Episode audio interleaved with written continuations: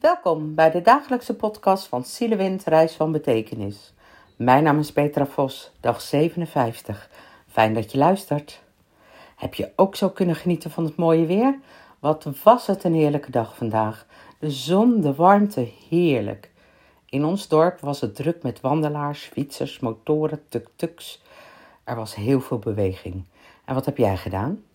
Ik ben de tuin ingedoken, onkruid trekken, zaaien, gras maaien, planten opbinden en geleiden. Nu heb ik een grote tuin met mooie wildbloemen, zoals mijn oom altijd tegen mij zei. Een ander vindt het onkruid. Ik laat de natuur op bepaalde plekken zoveel mogelijk zijn gang gaan. En de insecten zijn er blij mee. Zo zitten er op de brandnetels rupsen en ze verpoppen zich daar.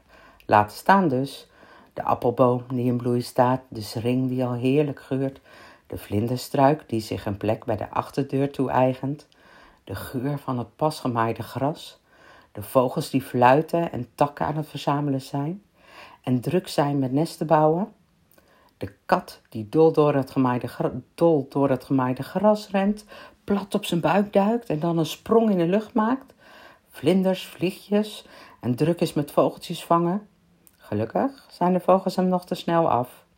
Hij race de boom in en dan door zijn onbehouwenheid valt hij van de tak. Gelukkig komt hij altijd weer op zijn pootjes terecht.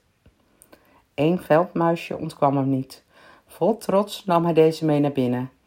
Grrr, liever niet. Het tuinleven ervaar ik altijd net zoals wat je in het echte leven tegenkomt. En dat kan zelfs op één dag. Zo pakte ik, even niet opgelet, zo met blote handen vol de brandnetels. Auw! En tegelijkertijd zag ik een groepje uitgebloeide paardenbloemen bij elkaar staan. Zo prachtig. Schoonheid en vergankelijkheid. Zo dicht bij elkaar in de tuin. Pijn, alles gaat voorbij. En het, en het ontstaan van nieuwe dingen. Zo hadden we afgelopen winter ransuilen in onze tuin. Wel zes en deze worden verdreven door de bosuil, vertelde de boswachter. En in het voorjaar en de zomer vertrekken ze om in de winter weer terug te zijn. Hoe bijzonder is dat? De egel heb ik nog niet gezien, de specht wel.